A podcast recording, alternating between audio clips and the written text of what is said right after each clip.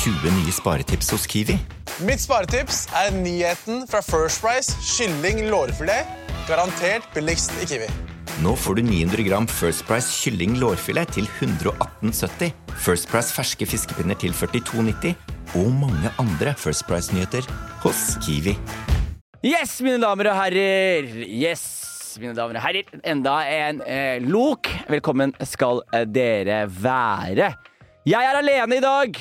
Jeg venta på gjester som ikke kom. Men det var en nydelig anledning til å reflektere over karrieren min. Jeg, ville jeg hadde bare lyst til å gjøre det litt i dag. Ikke karrieren min, men starten av karrieren min. Eh, vi vil gjerne gjøre det. Eh, så det er meg og Marco her, alene i studio. Eh, vi snakker masse om karrieren min veldig lenge før. Så det vil også gå på noen nyhetssaker eh, på, på slutten. Mine damer og herrer, takk for at du hører på. Og jeg sier det sikkert etterpå også. Jeg vil bare lage en intro nå, så jeg sier bare nyt dagens lok, og vit at du er elsket. You little bitch ass nigger.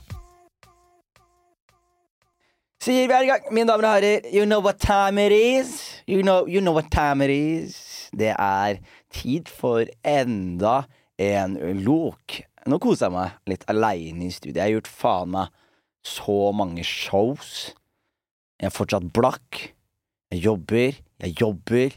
Står, jeg reiser, jeg leverer gull, og, og folk hater.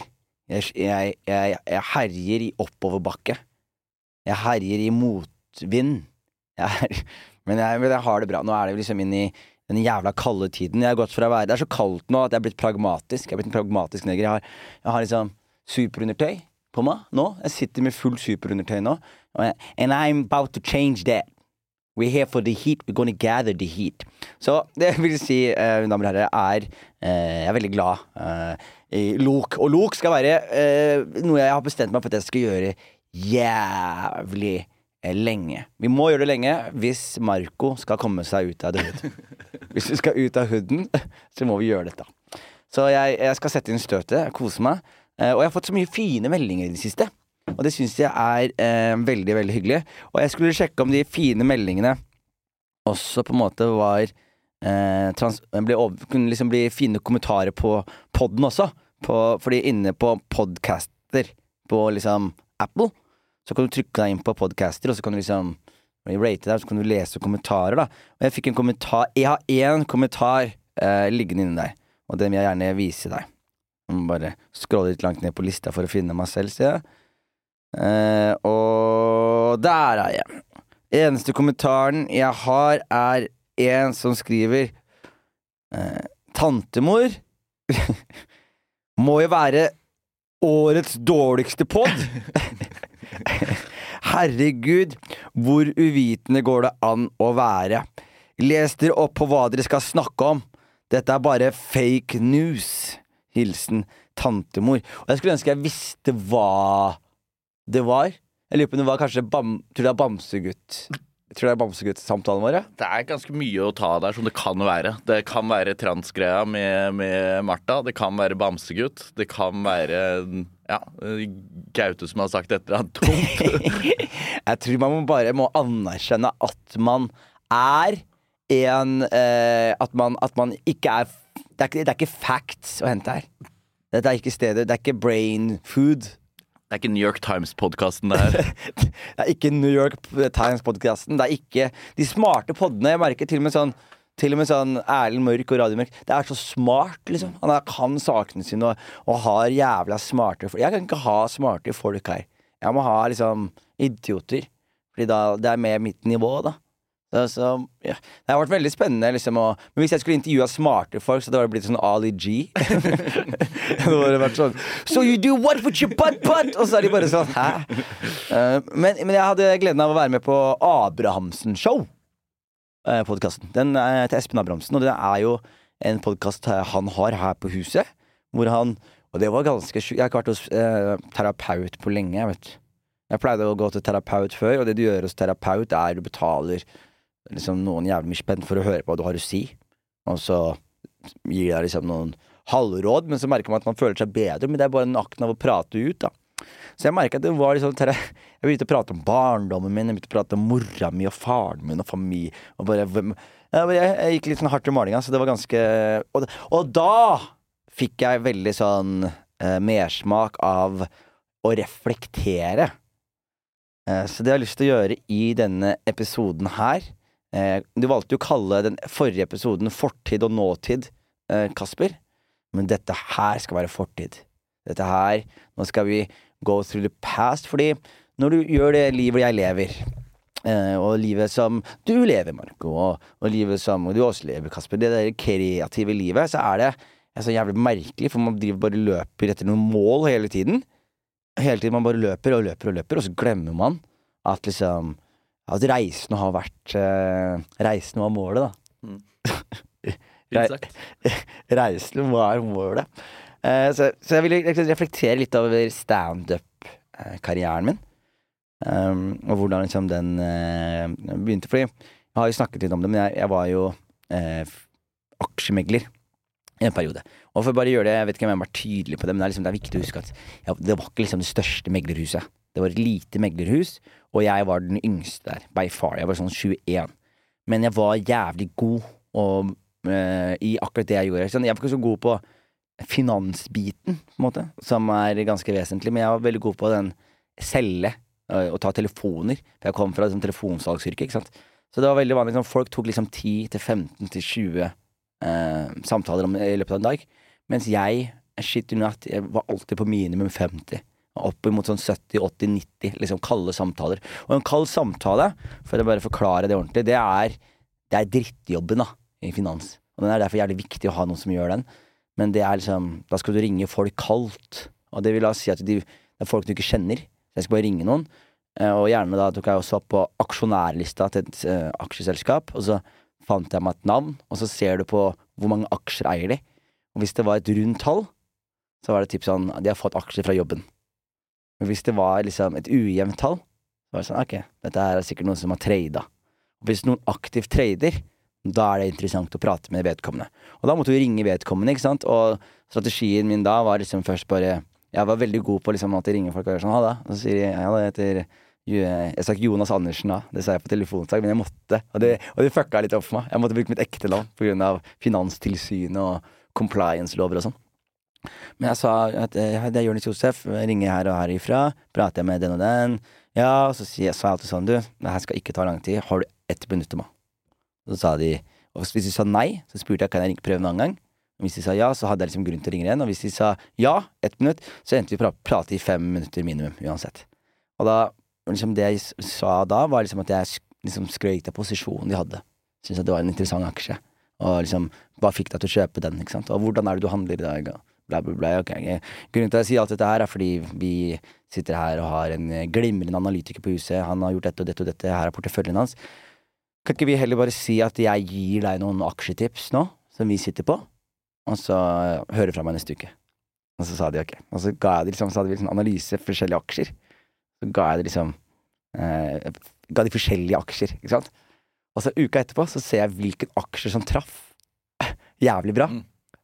Og så ringte jeg de som jeg ga det tipset til. Ringte deg forrige uke, husker du hva jeg sa da, eller? Ja, ja nå er den opp 20 Hva tenker du om det, liksom? Og, så, og de som aksjen tappet for, ringte jeg ikke opp. Så du bare liksom Du helgarderer deg selv, da. Så jeg var veldig god uh, på det. Og grunnen til at jeg sier alt det her, er fordi jeg begynte å lefle med standup. Sånn uh, Jeg hadde ikke lefla med standup, men jeg jobba med jobben. Og jeg var nervøs på morgenmøtene. Og når jeg var nervøs på morgenmøtene, så syntes jeg det var liksom Det kledde meg ikke å gå rundt og skjelve i henda før jeg skulle opp, liksom. Eh, så jeg var sånn, hva faen, jeg må gjøre noe med det, da. Og så hadde jeg liksom fått liksom litt masse liksom frø planta av å gjøre det. Sånn som du, du gjør jo standup selv, Marco. Husker du første dyttet ditt? Mm, ja, men jeg holdt det veldig under radaren at jeg skulle gjøre det første gang. Jeg reiste opp til Bodø første gang for å gjøre det. Kødder du? Nei. Hvorfor det? For jeg ville ikke ha noen skulle kjenne meg der når jeg sto på den scenen der sånn. Mener du? Så kjente jeg bartenderen han altså, sto på det. og studerte med han i Bodø. Så du fløy til Bodø, ja? Fløy til Bodø. Å, ok, men det Kevin som styrte klubben der da, han var ikke veldig fornøyd når han hørte at eh, det var første gangen jeg skulle stå. Ai, ai, ai, ai, Der for meg så var det liksom Jeg hadde en kompis som heter Lars eh, Grimsrud. Eh, og han er Han er en klassefyr. Han, jeg møtte han på Jeg bodde på BSN, Boligstiftelsen Nydalen. Og måten jeg møtte ham på, var at han hadde, han hadde kjæreste på den tiden. Og det hadde blitt slutt mellom dem. Han hadde liksom flørta med venninna hennes eller noe greier. Så det var helt fucka greier. Så hun var så sur på han. Og så var Lars oppe på Jeg var i leiligheten sin og sov, og så hadde hun spurt vakta om han kunne låse henne inn. For hun lå seg ute. Så vakta låste henne inn, og når hun kom inn, så dunka hun sko i huet på henne, liksom. Så han våkna opp, og så skulle han liksom banke vakta, da. Og da er jeg på vei hjem. Da ser jeg bare en fyr som står liksom, foran inngangen min og koker, og så har jeg låst meg ute. Så jeg er sånn Du, hva skjer? Han bare Jeg skal banke vakta. Du skal ikke bare puste litt, da? Med magen, liksom. Så sier han hva mener? Så sier chiller'n, mann. Han bare Du skjønner ikke, du skjønner ikke. Så sier jeg sånn Jeg har joints oppe. Skal vi opp og røyke en joint og slappe av? Han sier vet du hva, takk for tilbudet, men jeg skal dunke han vakten. så fikk jeg helt lættis. Så sa jeg kan du hjelpe meg å låse meg inn, og så låste meg inn, og så gikk jeg. Altså, dagen etterpå så møter jeg ham på butikken, og da var jeg så blakk at jeg skulle kjøpe en boks med hermetiske tomater. Eh, og da ser han meg inne i butikken, og så sier han 'Ei, bror!' roper han da. 'Takk for greia i går, det ordna seg. Hvis du vil bli med meg og røyke en joint og spise middag' Og hva heter han karen her? Lars Grimsrud. det høres ikke ut som en Lars Grimsrud. jeg, jeg, som tenkte, jeg tenkte å ringe han altså, bare for å få For han er, han er en fantastisk og overraskende viktig karakter i hele, i hele den arket. For en av de tingene Hver gang jeg fikk han til å le, så sa han alltid 'Bror, du må gjøre standup, ass'. Lars, Hallo? du er på, du er på podkasten min nå. Ja? Jeg, jeg snakker om eh, vårt vennskap når jeg begynte å gjøre standup, og hvor viktig du var for meg. Oi, broren min. Husker du første gang vi møttes, eller? ja, jeg, jeg husker det som det var i går, jeg. Fortell meg fra ditt perspektiv. Hæ? Fortell meg det fra ditt perspektiv. Bare i korte trekk. Jeg å ta hele storyen. Det var et veldig vennlig vesen eh, i går bakgården hos oss. Og så hadde jeg litt, jeg hadde litt, hadde litt dårlig tid på det tidspunktet, så, så jeg sa vi, vi tar opp igjen tråden. Så, så, så møttes vi et par dager senere på matbutikken, og så inviterte jeg deg hjem til, til middag. Ja. Og fra da så, så har vi så har vi vært hele, Gjennom hele studietiden så var vi jo ganske tett. da. Det var vi. Det var vi. Du, du har noen øyeblikk som jeg virkelig Vi verdsetter. droppa ut sammen. Det gjorde vi. Vi droppa ut av BI samtidig. Eh, og Lars, du sa alltid at du må gjøre standup. Du må gjøre standup. Og så var det én ting du gjorde for meg for lenge siden som jeg aldri glemmer. Og det var Jeg var veldig blakk, og så hang jeg med Lars. Og Lars var ikke noe rikere enn meg han heller. Men så hang jeg med Lars, og så skulle Lars dra hjem til Hadeland. Og så før han gjorde det, så gikk han bort til en minibank, og så tok han ut en tusenlapp. og så ga han den til meg. Liksom. Bare sånn. Og jeg hadde ikke spurt han om penger, eller noen ting men han bare skjønte at jeg var blakk. Og det glemmer jeg aldri. Det husker jeg hvor, jeg husker hvor det skjedde, liksom. Hei, det har jeg glemt, forresten. Du skylder meg tusen Jeg vet! Jeg skal vippse deg tusen nå, mann. Jeg skal vippse deg tusen lå, din jævel. Ok. Jeg skulle bare si det, Lars. Jeg er glad i deg. Vi snakkes. Det er hyggelig. Jeg er glad i deg, òg. Vi ses eh, i løpet av helgen. Vi gjør det. Ha det. Så det som skjer, da. Lars eh, og jeg vi blir liksom gode venner gjennom den tiden her. Han sier alltid 'Bror, du må gjøre standup', ass. Bror, du må gjøre standup, ass. Og jeg begynner liksom å vurdere liksom, jeg, jeg tenkte aldri at standup var noe jeg kunne gjøre. Så var jeg på en date med en dame. Eller det var ikke daten, det var Jeg, jeg, jeg håpa det skulle være en date. da Det ble en hangout med en kompis, liksom. Eh, og så var vi på Datter til Hagen, og så så jeg Lasse Gruber. Først så så jeg en komiker som bomba. Han var så dårlig. Så dårlig at det var eh, at, Og så fikk han applaus. Og så husker jeg at uh, han fikk applaus når han gikk av. Og den dumme liksom, ræva mi var sånn Faen, er det det verste som skjer? At du får At et helt rom applauderer, da? det er det jeg trodde, liksom. Jeg skjønte ikke liksom, den norske høfligheten, da. Uh, og så etter hvert så, så jeg en konferansier som het Adam T. Han var skikkelig god. Men han crowdworka, så jeg, jeg ble så nervøs når han skulle snakke til meg, at jeg, jeg visste ikke hva jeg skulle gjøre. Og så hadde de den siste som heter Lasse Gruber, og han var fra Groruddalen. Og han hadde vitser om hasj og weed og, og sånne ting som jeg kjente meg litt igjen i. Jeg syntes han var så jævlig kul. Og så var det en kombinasjon at jeg så det showet. Jeg, hadde, jeg sleit med morgenmøtene mine, og Lars som sa du må gjøre standup. Du må gjøre standup. Og da var jeg på spurte jeg Joakim Skage om jeg kunne få lov til å stå. Og han sa at jeg måtte melde meg på kurs. Og da var jeg frekk. Så jeg husker jeg. husker jeg sånn Han første fyren som bomba så jævlig, var han på det kurset, eller? og så, ja, ah, ok, men da er ikke det kurset for meg.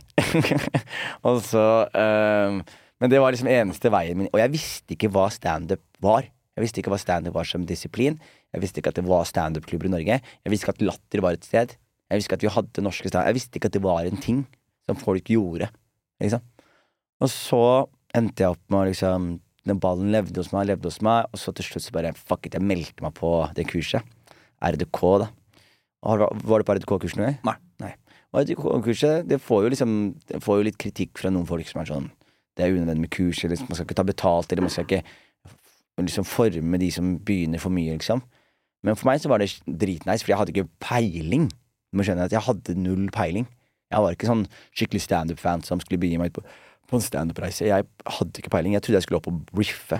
I, bare, bare snakke. Bare være gøy. Jeg skjønte ikke at man måtte jobbe liksom og skrive vitser, og hva punchline var, og en setup var, og ingenting. Så jeg er på det kurset, så lærer jeg da liksom disse ulike tingene, og, så, og i det kurset så møter du en gruppe mennesker, da. Og den gruppen mennesker ble jeg veldig sammensveisa med. Jeg ble veldig sammensveisa med den, og vi ble veldig glad i den. Eh, Men jeg merka jo at liksom jeg, uten å, uten å bli cocky det, var- det var veldig mange dyktige der, men jeg merka vel at Hva skal jeg si, ja, at standup-faget var At at standup var mer, mer, mer venn med meg enn det var venn med de andre, da, hvis du skjønner. At det kom litt lettere til meg. Mm. Eh, uten at jeg var noe nevneverdig god, altså. Men jeg, men jeg var god for å være ny, men jeg cringer når jeg ser eh, gamle ting av meg selv. Eh, og så kulminerer det at jeg skal stå på uh, Nykommerkveld. Og i anledning det så ringte jeg Lars i stad og ba han grave fram eh, et klipp, fordi Lars var der og filmer meg. Eh, så jeg har klippet der, Marco. Jeg tenkte du kunne flekke opp det. How do you feel right now? Do you feel good? How do you feel? I feel, uh, I feel meg på en terrific. Are som dere ser. Men det var det vi hadde. Are you excited about tonight? Oh, very, very, very. How many very shows have you done before? I have done zero. I have Zero. done close to zero shows. Close to zero shows. Yes. So, but So uh, today Jeg er you're gonna be nervøs, celebrity. From tonight on, you're a celebra- celebrity. Tonight I'm going to be a superstar. Yes. This is a beginner amateur show, but I will rock it. I will it's be signed by a labor deal. I will do everything. That's Okay. my that's my manager. behind Okay. that. That's your manager? That's my manager? bitches. That's my everything. Okay. I'm drinking what? I'm drinking vodka. I'm drinking vodka. You know. yeah, it's good. It's good. Uh, what's the first thing you're gonna do when you're a superstar? Fuck bitches is not cocaine. That's the only thing I want to. Okay. My only dream. My For yourself? dream. No, from the titties. From the, from the pussy. Okay. Yes, you know, you know, you know. yeah. Yeah. Okay. Thank you for the interview, sir. You're welcome. Så det var eh, før mitt første sett. Uh, setter fins, men bare vi har liksom, det er et eget klipp av han som filma før. Og jeg er egentlig jævlig nervøs på det tidspunktet her. Jeg har skrevet vitser i en uke og prøvd å liksom uh, lande der. Prøvde å avlyse giggen. Jeg jeg prøvde å ringe inn og si at jeg var syk. Jeg fikk ikke gjort det.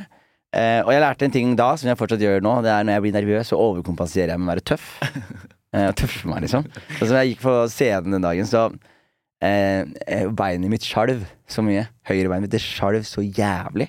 Men jeg så de komikerne før meg, og de rista beina deres rista. Og da ble du nervøs selv. Og da skjønte jeg sånn, ok, jeg må ikke sende en nervøs vibe. Så det jeg gjorde, var at jeg beinet mitt skjalv, så jeg lente meg liksom på bordet med liksom albuen min. Så jeg lå liksom jævlig kul til. Sånn. Jeg jeg lå og hang, liksom. Fordi jeg ikke ville Jeg ville legge press på beinet, så ikke det kunne skjelve. da Og da var folk så Fy faen, så laid back du så ut på scenen, liksom. Og for meg så var det Det var liksom sta ja, Og jeg husker Det var liksom en veldig sånn merkelig følelse, da. Når jeg var ferdig med det showet. Kan du huske åpningsvitsen din? Ja. Jeg husker det helt klart og tydelig. Eh, kom på scenen, og Det er ikke bra. Det er ikke bra. Det er ikke bra. Jeg har eh, det, det, det gjorde jeg kom på scenen, så gjorde jeg sånn Hallo, alle sammen. Så sa jeg eh, Hallo, alle sammen. Jeg heter Jonis Josef Abdullah Afra Hilolo.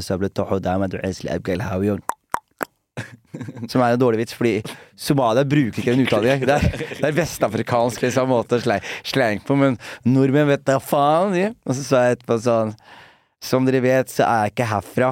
Jeg er fra Skien. og, så, og så lo de høyt, da. Ja. Og så hadde jeg en annen som jeg sa sånn Og den her var ganske god. Neste vitsen synes jeg Det var faktisk sånn tegn på at jeg kunne skrive. Da, da skrev jeg sånn Nei da, jeg, jeg er liksom Jeg er ikke fra Norge, men jeg er heller ikke fra Somalia, på en måte. Det er veldig rart, men jeg er fra et sted mellom Norge og Somalia. Så jeg fant ut Jeg er fra Hellas.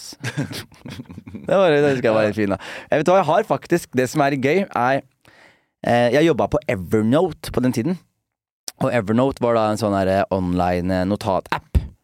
Og den online notatappen, den har en sånn Jeg, jeg, har, jeg har mine første sett uh, der inne. Så jeg skal finne det fram mens jeg jeg fortsetter å fortelle hva som skjedde den dagen. Fordi jeg var så jævlig gira når jeg gikk av scenen. Og det var veldig merkelig, fordi jeg hadde gjort så mye i mitt, mitt liv opp igjennom. da Jeg hadde rappa, jeg hadde faen meg danset, jeg hadde mm, skrevet ting. Jeg har prøvd å bli beatmaker, jeg har prøvd meg på forskjellige disipliner. Jeg var aksjemegler.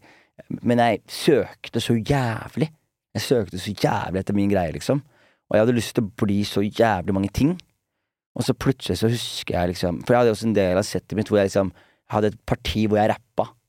Eh, sånne rappegreier. Første gang du gjorde standup? Ja. Oi. Eller jeg hadde sånn, jeg hadde sånn rappebit. Sånn der greie hvor jeg, hvor jeg satte opp en Det er hackis, for faen. Men en rap-battle mellom USA og ISIS, da. Mm. Eh, satt jeg ofte, og så var jeg liksom begge sidene og sånn. Eh, men det jeg husker med det, var liksom at jeg gikk av, så plutselig var jeg sånn Jeg har funnet den tingen i livet mitt hvor jeg kan gjøre alt. Jeg kan kombinere jeg, inn her, Hvis jeg vil være en komiker som snakker om finans, så kan jeg gjøre det. Hvis jeg vil være en komiker som rapper, så kan jeg gjøre det. Hvis jeg vil kombinere rapp og finans og eh, min interesse for fotball, men også for subkulturer Eneste stedet hvor jeg kan blande alt det her eh, og utøve det, er standup for meg, da. Så jeg, bare var så, jeg, bare, jeg klarte ikke, å, jeg klarte ikke å, eh, å ta kollektiv den dagen. Jeg ville gå. Jeg bodde på Nydalen. Gikk fra Bislett til Nydalen hele veien. For jeg bare, det var bare en sånn En sjelsettende opplevelse. Og da merka jeg at liksom Det var det jeg skulle gjøre. Men planen min var da jeg skal være aksjemegler på dagtid, og så skal jeg være standup-komiker på, på kveldstid. Så jeg husker jeg jobba jævlig bra på den tiden. Og dette her er en ting som jeg reflekterte over i stad. Som jeg ikke har liksom egentlig ikke har reflektert sånn ordentlig over, men jeg vet ikke. Det er sikkert jo, det er greit å si dette her. Eh, Men jeg, når jeg, jobb, jeg jobba i det finanshuset, så ringte jeg veldig mye. Så jeg fikk veldig mye skryt da, av ledelsen for liksom hvor aktiv jeg var på telefon. Og så var det en periode det ikke var så bra salgstall på huset. Og da var folk sånn Ok, hva skjer? Hva skjer med salgstallene, liksom? Eh, hvorfor er du så mye høyere enn alle, alle de andre? Så de tok meg på et møte, da. Så spør de sånn, hva skjer? Så sa jeg hva som skjer? Det er ikke noe som skjer, det er bare det er en ræva salgskultur. Jeg, folk, liker jo ikke å ta telefonen, liksom. Jeg føler meg kjemperar når jeg jobber, liksom. og så er de sånn, ah, ok. Og så, noen dager etterpå, så eh, kommer han da, konsernsjefen, kommer da på kontoret, og så spør han om jeg har lyst til å bli med på en lunsj, da. Og det var jævlig nice, for da kunne jeg ta pause fra jobb, og med god samvittighet. Fordi sjefen til sjefen min inviterer meg ut. Og da tar vi en lunsj nede på Aker Brygge, eh, nede på sånn asiatisk eh, sjappe der nede. Og da spør han meg sånn Du, jeg tenkte på det du sa om salgskulturen og sånne ting. Du kunne ikke tenkt, tenkt å lede salgsavdelingen, du? Og mind you, på den tiden her så er jeg 22 Mm. år. Og jeg er en somalisk gutt, da. Skjønner du? Jeg er den yngste på jobben. Og det er en skikkelig Og jeg reflekterte over det i stad, fordi i 99 av 100 ganger så sier Jørnis ja. I 99 av 100 ganger så sier eh, Jørnis ja, men jeg tror at jeg da allerede hadde en fot i standup. Hvor lenge var det du hadde holdt på med standup da? Ikke lenge, nemlig. Jeg tror det var et halvt år jeg hadde holdt på med standup. Eh, men så spør han meg om jeg kunne tenkt meg å ta den salgs... Eh, bli salgsleder. Og da begynner jeg å le først. Så sier jeg er du, er du helt sinnssyk? sier jeg. Så sier jeg? Så sier jeg bare sånn De folka er 30-40-50 år, liksom. Tror du de skal høre på meg, eller? Det kommer til å være så dårlig stemning der at eh, Gud bedre, liksom. Fordi jeg er veldig stolte folk, da. Og så bare var det sånn ah, okay. Så la det fra seg, da. Men så reflekterte jeg over det i stad. At liksom, hadde jeg gjort det, så hadde jeg mest sannsynlig eh, gjort det, og ikke dette. Eh, for det hadde vært mye mer commitment og en større greie, og det hadde ikke tid til å kombinere det med på en standup, og det hadde vært useriøst også, å være leder for en salgsavdeling, og så er det sånn Du, hvor er, eh, hvor er eh, sjefen? Du, han er, på, han er i, på, i Bodø og, gjør standup på pub for 40 stykker. Ja, faen, selskap vi skal drive her, liksom. Men, så jeg hadde liksom fot inne, da. Og da begynte liksom standupen min Jeg begynte å ta det mer og mer på alvor. Jeg hadde liksom alltid et dokument oppe. Og så søkte jeg liksom tilhørighet da, blant komikere. Eh, og da møtte jeg Martin eh, Lepperød. Vi var backstage sammen. på noen shows. For dere starta ca. samtidig? Ja, han starta et halvt år før meg. Han var i kullet før meg på RTK. Så han var liksom jeg, når jeg hørte Jeg hadde, jeg hadde hørt om Martin, da. Skjønner du? Eh, Og Martin hadde liksom sånn litt sånn revy-teater-tilnærming til det, hvor han var så Han var så jævlig sånn spil, Han spilte ut så jævlig. Og det var så jævlig morsomt. Og jeg hadde jo liksom ikke noe liksom forhold til liksom kultur, liksom. Jeg, jeg, får sagt, jeg får ikke understreket nok hvor liksom lite kultivert jeg er fra, fra Skien, liksom. Sånn, den første teaterforestillingen jeg så frivillig, så jeg da jeg var 25, liksom. Sånn Det var liksom jeg, jeg, jeg skjønte ikke noe, liksom. Jeg, alt var bare det, Alt var solskinn, liksom. Alt var bare Å, fy faen, det er helt rått, ja. Det er som å være en fyr som er i bushen, og så plutselig kommer du ut, og så får du sett en TV og filmer, og så er det sånn What?! Det er jo mennesker som beveger seg inni den buksen. Det var liksom sånn, da. Eh, så jeg, jeg, så jeg husker jeg liksom hørte om Martin, han liksom Og så så jeg han sto. Eh, og, jeg, og jeg var veldig cocky første gang jeg sto, for jeg var, jeg var jo jeg, Det gikk jo best med meg på nykommerkurset. Og jeg husker jeg gikk av den kvelden, så en av de setningene jeg sa til Lars, var sånn Var ikke det der jævlig bra? Og så sa han, hm. Tror du ikke det er sånn Var ikke det toppnivå, liksom? Bare, jo, noe av det beste han hadde sett, da, sa Lars. Ja, for det var det jeg tenkte. Liksom. Og jeg tror jeg hadde liksom noen minutter der hvor jeg helt oppriktig følte at jeg var på høyde med Chris Rock og Dave Chappelle og co. Liksom. Skjønner du? Sånn, fordi det gikk så bra, da. Uh, så hører jeg Martin. Syns at det er litt sånn eh, Jeg har lyst til å bli litt venn med han, og så var jeg litt sånn heldig. Fordi da ble jeg jo booka på en firmajobb sammen med Martin. Eh, og da sto vi midt på barbooka i ute på Solli plass. Og så fikk vi liksom tapas. Vi catering, fikk 2000 kroner hver, fikk litt tilgang til tapasmaten. Og så sto vi standup på dansegulvet. Så de var på en klubb, så alle satt, og vi hadde aldri gjort firmajobb før. Så vi bare står og skriker bits midt i, midt i liksom Midt i rommet. Og så får vi en sjekk på 2000 kroner, og så blir meg og Martin Jeg merker liksom at vi får litt sånn bedre kontakt, da. Og så noen dager etterpå så Martin kan ikke like at jeg sier det her, men han, han ringte meg på natta. Sånn klokka to eller tre, da. Og jeg tror vi begge to hadde en følelse av at vi hadde lyst til å bonde, skjønner du? Men bare Vi ville ikke la tilfeldighetene liksom bonde oss, da. Så ser jeg Martin vært sånn Faen, jeg møtte en sånn afrikaner under brua, liksom. Fiksa noen godsaker. Jeg kommer på tur, jeg. Jeg bare kom hit!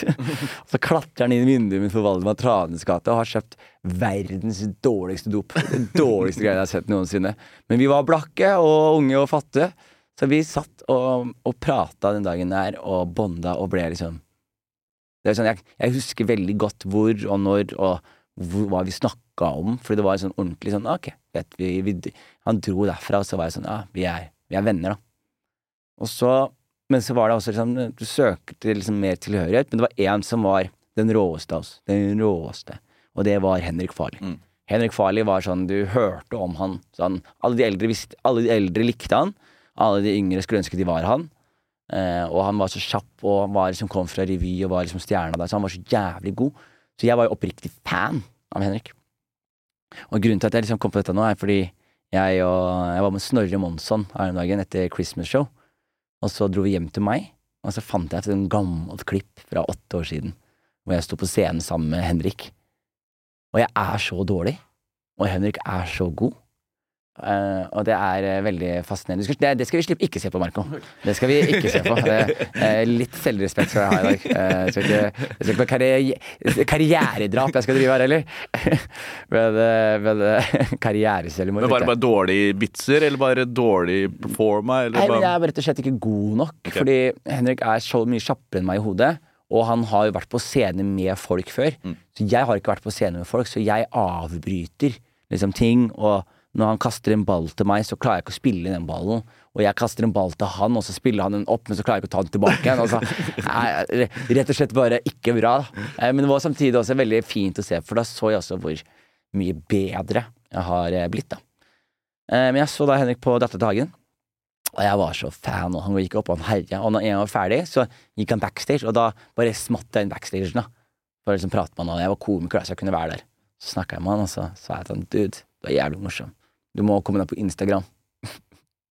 så sa han nei, hva, hva, hvorfor det? Så sier jeg du, det er stedet du vil være nå, ass. Instagram. Det koker der, liksom. Jeg hadde rett, da, for øvrig. Jeg hadde rett. Uh, så jeg, jeg lasta ned Instagram fra han den dagen. Og registrerte Instagramen. Og det var egentlig bare en måte for meg å liksom, bli litt kjent med ham på. Bare liksom Å, følg meg. Men jeg tror også han syntes det var stas å bli kjent, fordi vi, jeg syntes det var skikkelig nice. da Så meg og han vi drev og lefla med å liksom lage ting. For han hadde litt penger. Eh, han hadde spart litt opp, og jeg hadde litt penger fra aksjejobben min. Eh, så det var en gang eh, vi liksom Vi dro til meg, og så planla vi liksom å lage en TV-serie. Vi skjønte at det, hvis vi skal slå igjennom, så må vi lage noe på TV. Så vi liksom planla en TV-serie, og den TV-serien var jævlig kul. Den skulle hete Lok, og hver episode skulle være påvirket av et eget rusmiddel. Eh, skulle, ja, og da skulle, derav skulle liksom klippestilen være sånn. Altså Episode én skulle være kokain, eksempel, og da bare svart-hvitt og bare kjappe klips, liksom. Og så skulle det være weed-episode som bare er lang one take. Og så er det soppepisode hvor scenene du bare klipper om scenen så ikke de henger på greip. Altså Vi skulle bare liksom lage noe sånt, da. Men så utvikla det seg til noe annet. Eh, og det ble da en greie som het Loka. Som igjen, du merker oppheng i tittelen. Eh, så det het Loka, og det var da en sånn eh, pilot vi laga hvor da en rapper som het Jørn Gæli, som jeg skulle være, og han hadde en manager som het Scott, og en, eh, eh, en beatmaker-kompis som het Christian. Og, og, og Martin skulle spille Så vi skrev dette her, meg, meg og Henrik først, da, og Daniel Schwartz, og så tenker vi den siste rollen min skal det være, og så har jeg jævlig lyst på eh, Martin Lepperød. Og eh, lite visste jeg at Henrik også hadde jævlig lyst på Martin Lepperød. Mm. Så vi spør om Martin har lyst til å bli med, og så blir Martin med, og så, og så i Så samler vi penger. Ja, jeg husker jeg putta, putta inn 14 000 kroner, eh, og Henrik putta inn 7000 kroner, så vi hadde 21 000 kroner i budsjett. Og det var sånn Og det er igjen Du ser ikke liksom nykommere gjøre det i dag. Mm. Liksom Tømme sparekontoen sin for å lage noe. Det, det, og det skal vi ha kudos for. Vi var veldig produktive og liksom veldig proaktive til å lage noe. Og i den så skrev vi da en pilot, meg og Henrik og Daniel Schwartz. Og i den piloten så endte jeg opp med å kaste eh, Jon Sindre Fjellvang, Herman Flesvig var stjerna. Og det her var lenge før hans gjennombrudd. Eh, vi hadde Lars Berrum, vi hadde Martin Beyer-Olsen. Eh, så det var liksom stjernelag, da. På en ti minutters pilot, liksom. Den har jeg lyst til å finne fram eh, seinere. Er det noe sted, da? Den fins. Jeg har lyst til å ha en visning på den, men jeg skal bare få snakka med de andre og bare finne liksom hvordan vi skal gjøre det. Men jeg, kan, jeg har veldig lyst til å droppe den på YouTube. Etter. Fordi vi endte opp med faktisk liksom lage hele den eh, piloten, og så eh, fikk vi nei fra NRK. Som er helt sånn Jesus Christ. Jeg har lyst til å liksom kontakte eh, hun damen. Jeg vet hva hun heter, jeg gidder ikke si navnet hennes, for jeg skal kanskje prøve å selge inn andre prosjekter i fremtiden. men jeg har lyst til å liksom sende den piloten en gang til og bare tenk at du sa nei til det der. Alle du ser der, er liksom er humorprofiler i dag, liksom. Er det lenge siden du så det sist? Um, så det for eh, tre år siden. Da, Holder det fortsatt? det holder fortsatt. Jeg jo også, men det som jeg merka da, var jo liksom et, hvor utrolig dyktige de andre var. Altså, og du merket, Der merka du skillsa våre var liksom Der kom virkelig skillsa våre tydelig fram, da. Jeg var jævlig dyktig på eh, liksom hustling-aspektet, som var liksom Fikse pengene, fikse tingene, fikse folk, fikse samlinger, fikse greiene. Mens Martin var liksom pure talent, liksom. Han var så jævlig god til å spille. Og han var så enorm. Jeg, synes han, jeg, synes, jeg husker jeg så han, så tenkte jeg han må jo være verdens beste skuespiller. Jeg husker, jeg husker, jeg husker helt oppriktig Jeg gassa Martin så lenge på skuespill. Jeg bare sånn 'Dere tror han er morsom, ja?' Ah, ok. Men dere vet ikke hvor god skuespiller han er. Hvis han ville gjort det, han hadde vært mye bedre enn de alle de andre. Altså, var, jeg synes han var så god. Og så Henrik som bare var all around på, god på alt. da Han var også enormt god på spillet, men også enormt god på skrivingen. Og hadde liksom Han visste noe om han visste he hele altså, Han hadde noe å si om Han skjønte liksom hvordan film, filmingaspektet funka, skjønte hvordan humoraspektet Skjønte alt, da. Så det var liksom veldig sånn uh, starten på det som skulle liksom definere samarbeidet vårt, da. At liksom det var gjerne jeg som uh, uh, kicka i gang en ting, og så var det Henrik som på en måte holdt i det, og liksom Og så var det Martin som drev det videre. Så det var liksom det som definerte litt sånn samarbeidet vårt på starten, da. Så vi begynte da vi lagde den piloten, og så begynte vi å jobbe mer, og vi begynte å jobbe mer, og sammen så var det så jævlig deilig, fordi du merka liksom i humor så Det er noe med å liksom Ok, man kan godt være et individ og reise rundt aleine og holde på sånn, men man kan også være en del av en, en gruppe. Og hvis den gruppen der holder et visst nivå, så vil man alltid liksom pushe hverandre til å bli best, da. Og vi pusha hverandre så jævlig. Sånn, jeg vil si liksom, Det var veldig unikt, det vi hadde, fordi det var et så utrolig sterkt vennskap. Som også liksom Hvor alle sammen var jevngode, men hadde forskjellige styrker som man beundret eh, hos de andre. Jeg tror liksom en, en bra gruppedynamikk er en gruppedynamikk du har litt bedragersyndrom hos, da. Og jeg følte meg alltid liksom underlegen Mm. eh, Martin og Henrik. Jeg følte alltid at jeg ødela. um, men så vi drev da og vi jobba som faen. Vi satte opp Teaterkjelleren. Eh, greia da, satte opp terningkast tre-kvelder der. Da var standup og impro, og da lærte jeg meg mer impro. Jeg lærte, mer, lærte å komfe, eh, som egentlig har definert mye av stilen min nå. Det begynte litt på Teaterkjelleren. Og så sto vi mer og mer og mer, og så eh, jeg ble jeg var så heldig at jeg fikk en telefon fra Stian Pettersen, som ringte og var sånn Du ville på turné med Lars Berrum og Martin Beyer-Olsen. Og så er jeg sånn Faen, fuck yeah, det vil jeg. Og det er da cirka det er samme tid, det er cirka samme tid som vi drev Teaterkjelleren, og vi har akkurat begynt å lage litt ting sammen. Det som skjer da, er at jeg da eh, er på turné med Martin Beyer-Olsen og Lars Berrum, og jeg har fått ultimatum av sjefen min før turneen. Hvor han er sånn Du må bestemme deg for om du er standup-komiker, eller om du er liksom aksjemegler, da. Da sa jeg du, jeg jeg, Jeg tror jeg skal prøve meg på standup, liksom. Og det var veldig rart, fordi jeg hadde en ganske feit lønn som var prosjektert i, eh, for meg i, i, på jobben. Og jeg hadde 150 000 kroner i prognose for neste år som standup-komiker. Men jeg var sånn du, Det har vært broke før. Jeg har vært blakk som faen før. Og det har vært null stress. Jeg vil heller være blakk og gjøre standup enn eh, rik og ikke eh, gjøre standup, da. Så var jeg på turné med Lars Berrum og Martin Barrosen i 27 gigs gjorde vi i bare Østfold. World Tour of Østfold. Er det. det 27 steder i Østfold? Overraskende. Jeg lurer på om kanskje ikke det var 20 Skriv World Tour of Østfold. WØT. Og da vil det komme en plakat, på, vil det komme en plakat, tror jeg. Fordi da vil se Fordi i den turneen der så gjorde vi 27 steder, husker jeg det som. Det kan hende det var færre eller 17. Eh, så trykker du på bilder, så ser du den plakaten hvor vi står med dress. Der ser du det, der ser du det ja. Kveldens gjestekomiker var Tore Sagen, som mente forholdet til Sarpsborg stort sett begrenser seg Ja, ikke sant? Er Men ja, for han hadde med seg gjester i, på hvert show, han Beyer-Olsen. Og han er en hustler. Han har vært der veldig mye hustling av mye fra. Og han da Jo, der nede. Ned til venstre. Til venstre, ned der. Opp. Der.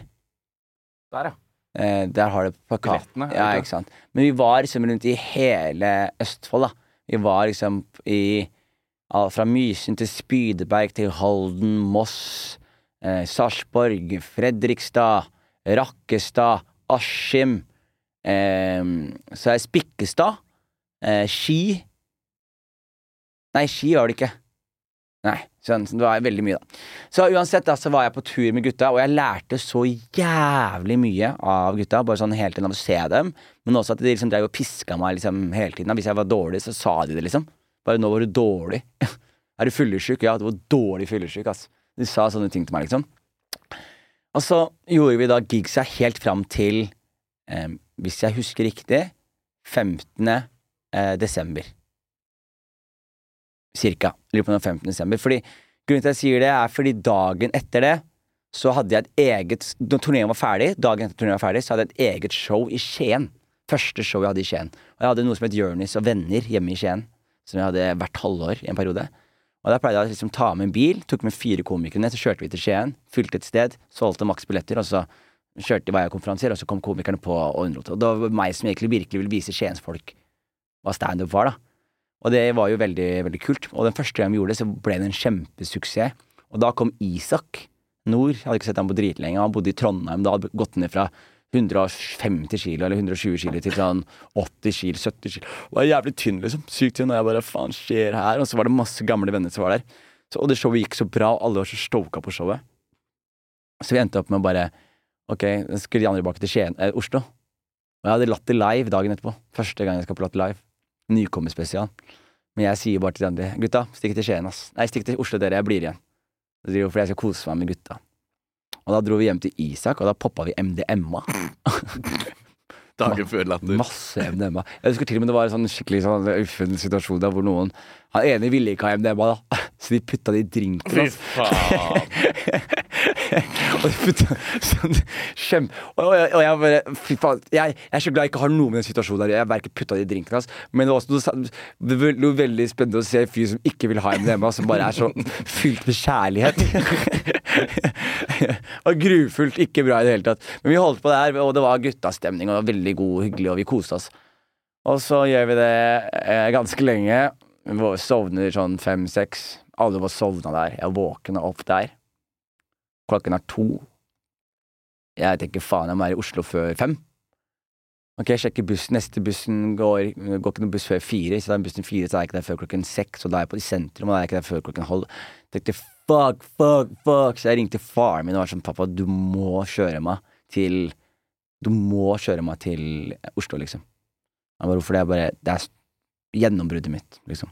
Jeg fucka opp med bussen. Du må kjøre meg. Og han bare, ok. Så plukka jeg meg opp, jeg har, jeg har ikke dusja. Jeg har ikke pussa tenna. Jeg har på meg den samme genseren fra dagen før. Jeg er fortsatt litt fyllesyk og litt sånn derre du når du har tatt MDMA dagen etterpå, når du får sånn derre Du mangler litt sånn Du merker at du mangler litt dopamin, da. Det var litt den viben der, da. Og jeg sitter der og så tenker jeg fuck, og så ser jeg klokka, vi havna i kø, jeg er sein. Klokken er halv seks, jeg blir droppet av, oppmøtet var klokka fem. Og jeg bare løper inn backstage. Og da har de andre som har vært her, de har vært her tidlig. Så de har rukket å bli nervøse. Mm. Så de har liksom Mens jeg rakk jo ikke Så jeg bare kommer inn som en sånn jævla tornado, liksom. Og så har jeg også gjort settet mitt faen meg fire ganger i uka i tre uker nå sammen med Lars og Martin, som har pirka på det, ikke sant. Så jeg var sånn kaffrent på det, jeg hadde herja dagen før i Skien. Og jeg kommer inn med bare en sånn sikkert sånn jævlig sånn psyko-energi, da. Og så går jeg inn på, uh, går inn på, på greia, og så ser jeg de andre som står før meg. Og det de andre som gjør før meg, er at de er litt nervøse, for de har så mye lys, så de sliter å komme seg inn i moden. Og det hadde jeg også gjort, hvis jeg hadde vært liksom først, eller and. Men så ser jeg liksom, så tenkte jeg på Olli Wermskog. For han var på turné med oss en tur, og da hadde han en gang hvor han gjorde et helt sett på finsk. og det funka som Det var så gøy å se på. Fordi vi ser på det, og så er vi samtidig sånn Ingen skjønner hva faen som foregår, liksom. Eh, men det var så gøy, for det var så mye selvtillit. Så jeg basically bare rippa off det, den ideen. Så jeg gikk på scenen for Latter Live. Fordi jeg ville, det, var, det var ikke en bit, men jeg ville liksom Jeg ville ikke starte med settet mitt. Jeg ville komme meg inn i en mode først. Så jeg bare tenkte ok, fuck kameraene, fuck alt sammen. Så jeg gikk opp, og så bare Når det var min tur, jeg skulle sist på, gå på, og så bare begynte jeg å snakke somalisk med masse selvtillit. Og det funka som faen. Og så gikk jeg inn i en sånn flyt. Så jeg, jeg, har, jeg, jeg har et klipp fra Latterlife. Mm. Altså, som dere ser, relativt, relativt slank. Eh, These hips don't lie i det hele tatt. Det er veldig rart at de tar så gjerne forklare folk da hvorfor jeg er så tynn. sant? Og da skylder jeg alltid på det samme. Evolusjon, evolusjon, evolusjon. ikke sant? Mens deres norske forfedre hadde avanserte jaktteknikker med våpen og felle eh, og sånne ting, så hadde mine forfedre i Afrika en jaktteknikk som heter utholdenhetsjakt. Den genseren jeg var på nachspiel dagen før, altså. Det, Det de gjorde, var at de, de dro en sånn tre-fire karer skitten. Tarzan-truse og et spyd og bare løp etter byttet sitt i tre til fire dager. Helt til byttet bare var sånn her Du, det her gidder jeg ikke mer. Bare spis meg. Spis hele familien min. Spis alle jeg kjenner. Bare Nei, jeg dør. Så, så med andre ord, de har på en måte en tynn kropp og en veldig god kondis. Sant? Eh, og jeg har eh, arvet en tynn kropp, men en helt ræva kondis. Og det her fant jeg ut av på den verste, verste mulige måten. Jeg, jeg var med gutta her om dagen, og vi spiller fotball. Og vi spiller og vi spiller og vi spiller. Og så er det pause. Og så begynner Jonis her å kaste opp og kaste opp og kaste opp. Og gutta ler seg i hjel mens jeg tørker oppkastet av PlayStation-kontrollen. Og En god vits, da. Men det var ikke den vitsen jeg egentlig tenkte på. Eh, den, den vitsen jeg tenkte på, var Fordi den, den var god vits. Jeg visste ikke at det, jeg visste ikke at det var et eget klipp. Men det er Standup Norge som har delt det. ja. Fordi det som var greia, var at jeg var på Latter Live, og så tenkte jeg ikke noe mer over det. Og så hadde jeg slutta på jobben min som aksjemann, og da fikk jeg 150 000 kroner. Og da hadde søskenbarnet mitt i Nederland eh, ble arrestert for menneskesmugling. Um, det er ikke som høres helt sjukt ut, men det han basically gjorde, var at han eh, skulle få kompisen sin fra Somalia inn i Europa. Så han tok med et pass til han. Sant? Så han tok med et pass til han som, fra en annen fyr, som var da ikke hans pass. Og, da, og så reiste de sammen inn, og så ser de liksom at eh, han fyren reiste med falskt pass, og at da min fetter hadde hjulpet han med det. Så da fikk jeg noen, tror ble kastet to år eller noe sånt for. Men han var bare snill. Liksom, ja, han er bare, bare Ja. den søteste, snilleste fyren. Altså. humane trafficking, heter det. Ikke human trafficking. Eh, men, han, men han hadde en leilighet som sto tom, og, og bilen hans var ledig, så jeg bare var sånn Du, jeg, stikker ned dit, jeg. Og tar og, og flytter inn i liksom kåken mitt. Og så tok jeg flytta inn i kåken, hadde med meg penger fra Norge. Så jeg bodde i Nederland. Du kan tenke deg hva jeg gjorde i Nederland. Jeg røyka weed og, og drakk vann. det var det jeg gjorde, liksom. Og så plutselig var det en av dagene jeg våknet Og det, og det som også var greia, det- jeg, jeg tror jeg psyka meg litt opp. Fordi jeg var sånn, jeg, jeg blir i Nederland til jeg er blakk. Og når jeg er blakk, så stikker jeg hjem igjen, og så begynner jeg standup-karrieren min. Og det har alltid vært en sånn greie i livet mitt at jeg, jeg vil ikke ha trygghet hvis jeg skal kaste meg ut i noe. Jeg vil ikke starte en standup-karriere og ha en buffer på en million kroner. Det gjør, det gjør meg ikke sulten. Det gjør ikke at jeg jobber sånn som jeg burde jobbe. Så jeg var da sånn, Og jeg vet det. Det er veldig gøy at jeg vet det inni meg. Så jeg var sånn, jeg koser meg med pengene mine, og så begynner jeg hasarden etterpå. Så jeg er der, men mens jeg er der, så plutselig så har NRK lagt ut et klipp på Facebook eh, som er da eh, et, en, vits av meg som snakker om id. Og det var bare sånn perfekt timing, fordi vitsen ble lagt ut Det var fra det samme settet som du så nå, men vitsen ble lagt ut eh, dagen det var id. Og så skrev Og jeg, det jeg sier inn der, er Faen, id Ingen muslimer Nei, ingen vet noe id er. Ikke muslimer engang. Sant? Som var bare sånn første setninga. Og så er det to faktisk banger jokes som kom etterpå, liksom. Og det hadde da NRK lagt ut på sin Facebook, og på den tiden så var Facebook papen. Husk at jeg drev og promoterte Instagram til eh, Henrik, liksom. Så Facebook var papen, og jeg så liksom den videoen bare bli større og større og større og større. Og, og, det, og det var så sykt, og den fikk flere views, og den bikka til slutt en million views. Og da var det bare sånn what? Og så kom jeg hjem, og da var karrieren min var veldig annerledes da. For når jeg kom hjem da, så var det plutselig sånn Det var ikke sånn at jeg solgte billetter på showene mine, eller at jeg hadde liksom en stor fanskare eller sånne ting, men det var plutselig en sånn Jeg gikk fra å være en nykommer til å bli liksom den spennende nykommeren, da, en periode. Og da var jeg også med Martin og Henrik, da, som også var de spennende nykommerne, så vi var bare sånn ok, faen, vi fant gullgruven her nå, liksom. Um, og da jobba jeg som bare rakkeren med liksom standup eh, i ettertid eh, for dette, og da var jeg liksom inni det. Og når du var inni det, så eh, var det en periode hvor jeg bare sånn Jeg sto, og jeg sto, og jeg sto Altså, det var ingen som sto mer enn meg, og det sier jeg med chest, altså. Og det er sikkert noen som vil si seg uenig, men jeg, ingen sto mer enn meg mellom 2015 og 2019.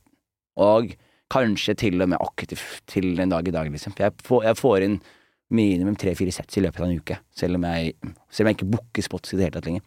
Så det har alltid vært viktig for meg å stå mye, fordi jeg veit at jeg har ikke det naturtalentet som veldig mange andre har. Mm.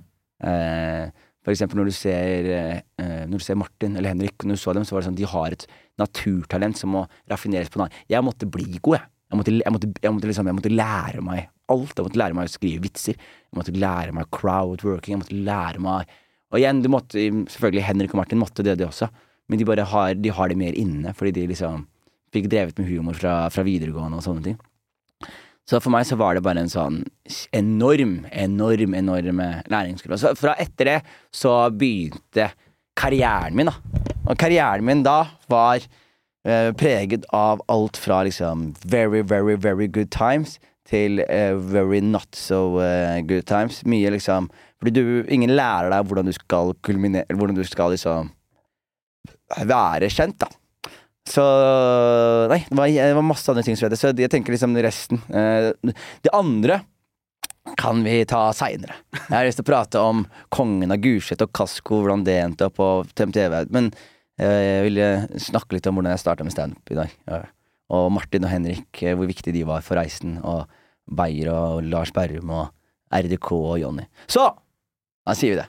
Har vi noen nyheter i dag, eller? Det er noen nyheter. Eh, vet ikke Du har hørt om Brock Lesnar før? Om jeg har hørt om Brock Ja. Lesnar? Har du hørt om dattera til Brock Lesnar? Du, jeg har hørt Jeg har ikke hørt, men jeg, eh, jeg så et eller annet om at hun har Hun er, hun er RIP, da.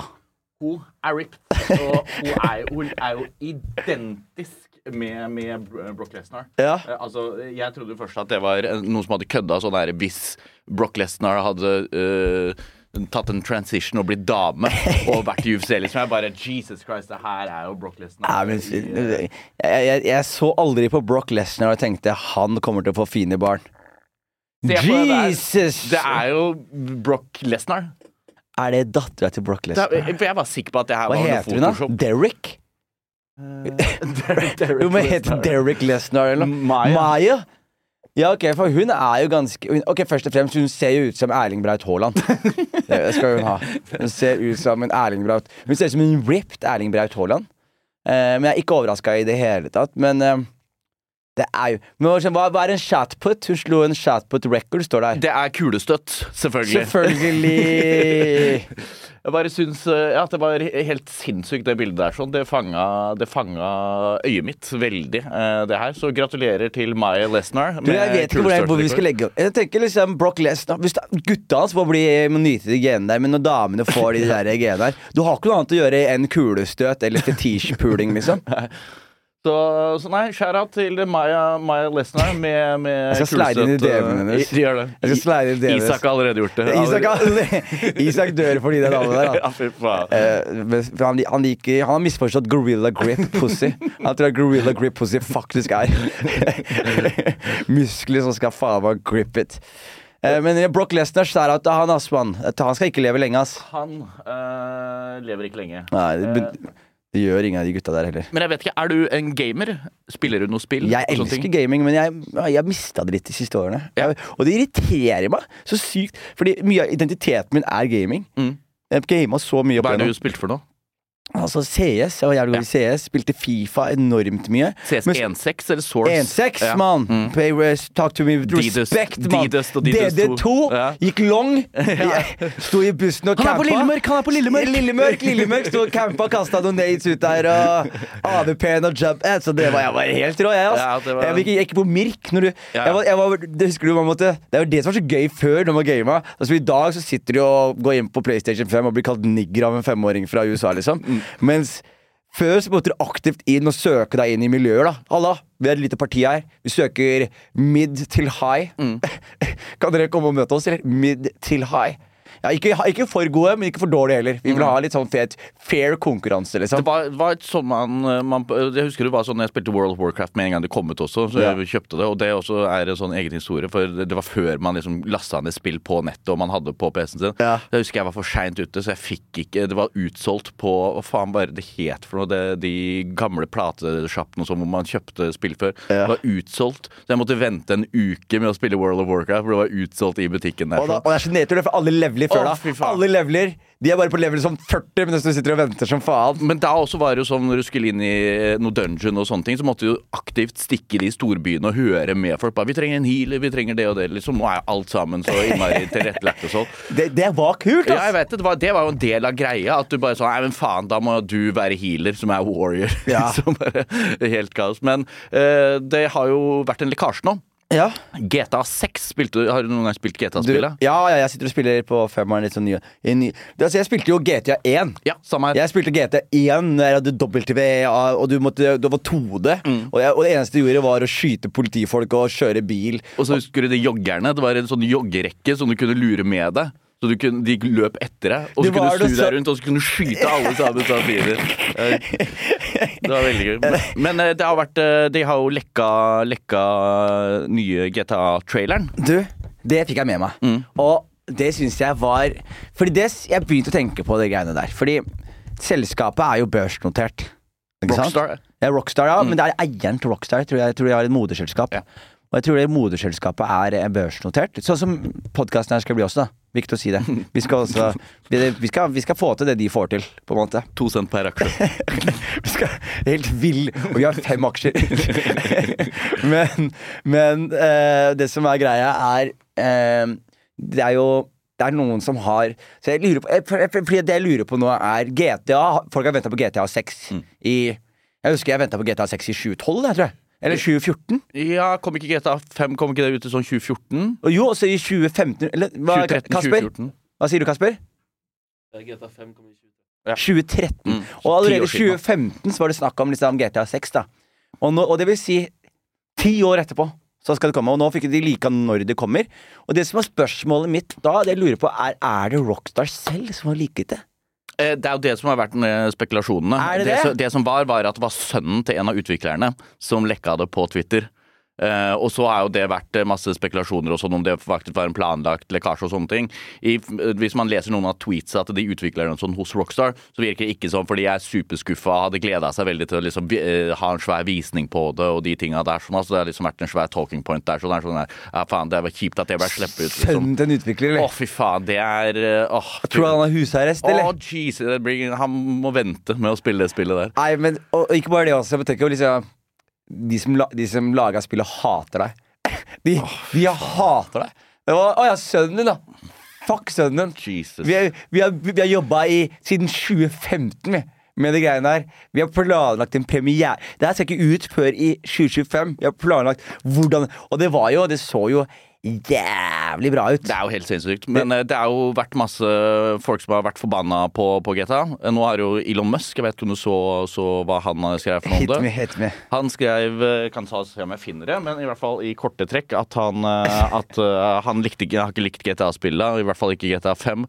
Fordi startoppdraget der sånn i GTA 5 var at du skulle skyte politifolk, og det likte ikke Elon Musk. Ja, han fikk seg ikke til å skyte politifolk. Og jeg så denne tweet-rekka. Og ikke jeg heller.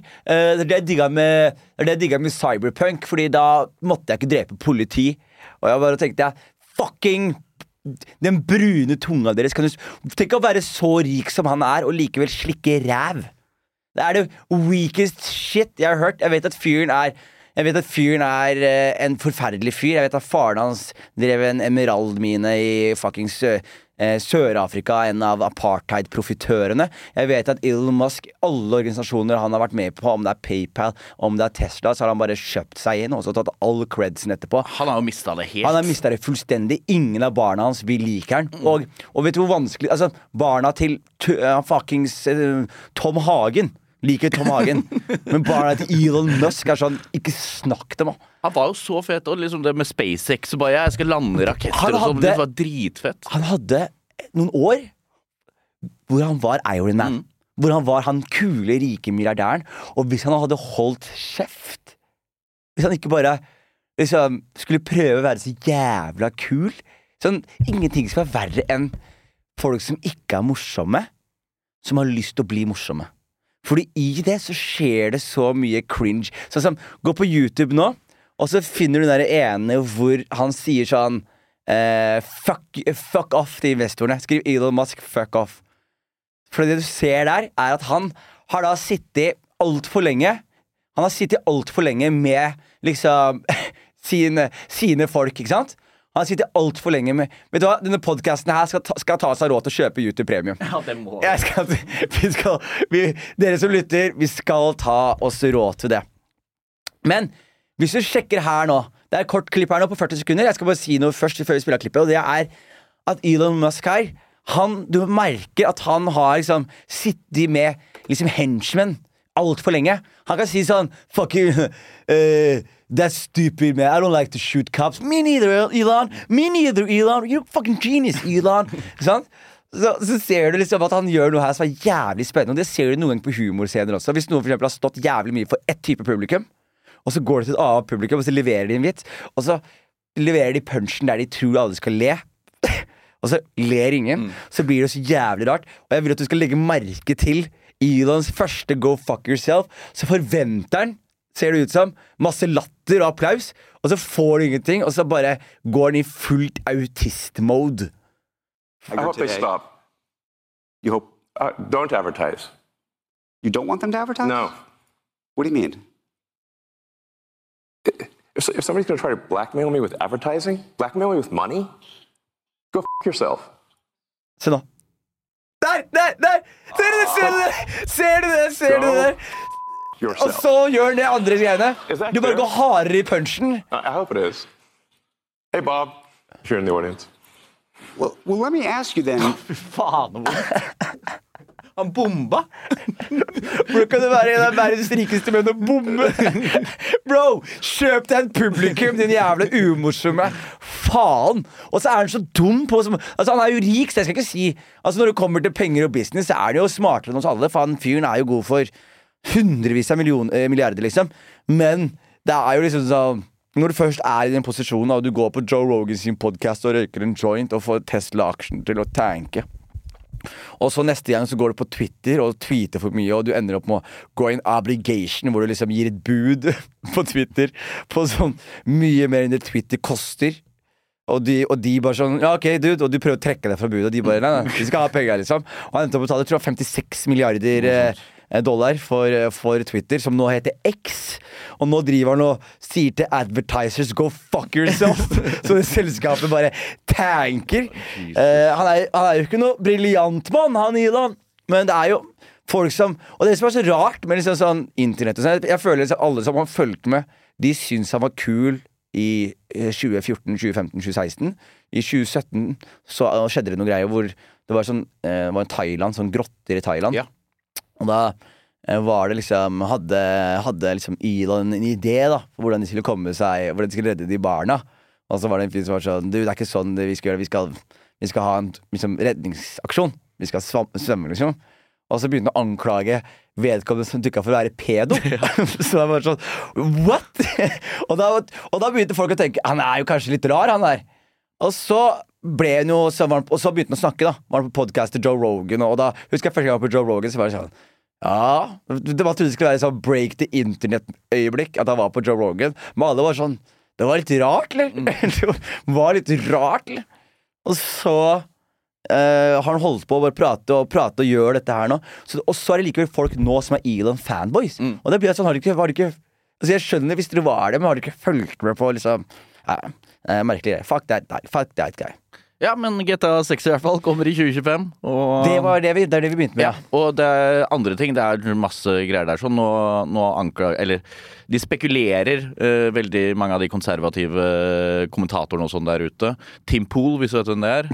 Blant annet. Han uh, mener at uh, den Fordi det skal være en dame som skal være en av hovedkarakterene der Ja. nå. Eh, og så spekuleres det i at hun er trans, da. Hun dama. Og det, det er ingen som vet det. Det er bare noe de bare sånn Ja, men hun kommer til å være trans, for vi er i 2025 nå, og da kommer hovedkarakteren i GTA til å være trans. De, de veit ingenting, da.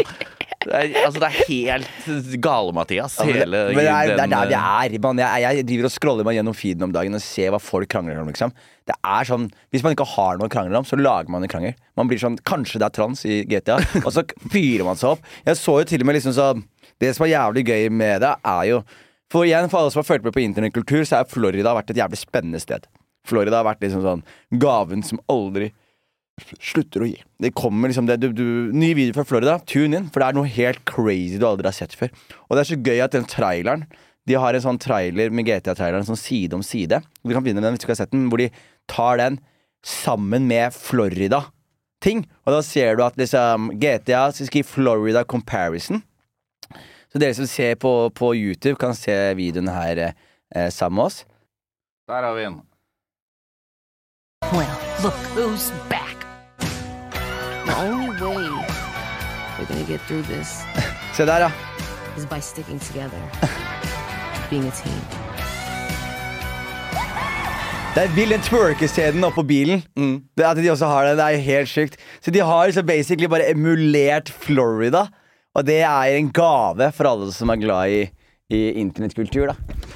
Så, eh, mine damer og herrer, jeg vil bare si ja, Det eneste kommentaren jeg har på podcaster, er hvor elendig denne podkasten her er. Hvis dere er enig i det, så kan dere gjerne liksom Så kan dere gjerne skrive det også. Men gjerne skriv mer. Jeg liker det. Konge. Eh, jeg har eh, noen jævlig kule ting planlagt. Hvis dere vil ha livepod, så må dere gjerne gi meg lyd om, om det. Jeg tror, vi, jeg tror jeg kanskje klarer det å levere på en scene på livepod. Tror du ikke det? Jo. Tror det. Det gått bra. Jeg tror det hadde vært jævlig kult. Og så kanskje vi skal lage noe merch. Jeg har lyst til å lage luer. Lokluer. Eh, sånne store luer som dekker hele hodet. Sånn. Bare sånn svær jævel. Så eh, mine damer og herrer, dere som hører på, eh, abonner, subscribe og kommenter. Jeg lovte jo at eh, podkasten noen ganger skulle være med masse gjester, og noen ganger med eh, ingen gjester. Så i dag så hadde jeg egentlig planlagt å ha hele Med, med all respekt her og hele vennegjengen min.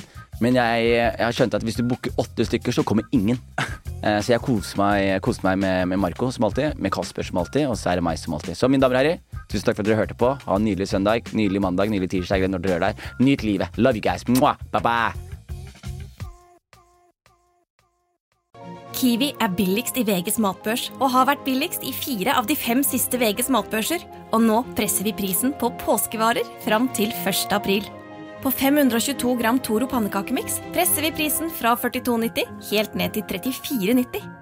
På 410 gram Lerum bringebærsyltetøy presser vi prisen fra 32,90 helt ned til 22,90. For det er vi som er prispresserne. Og vi i Kiwi gir oss aldri på pris.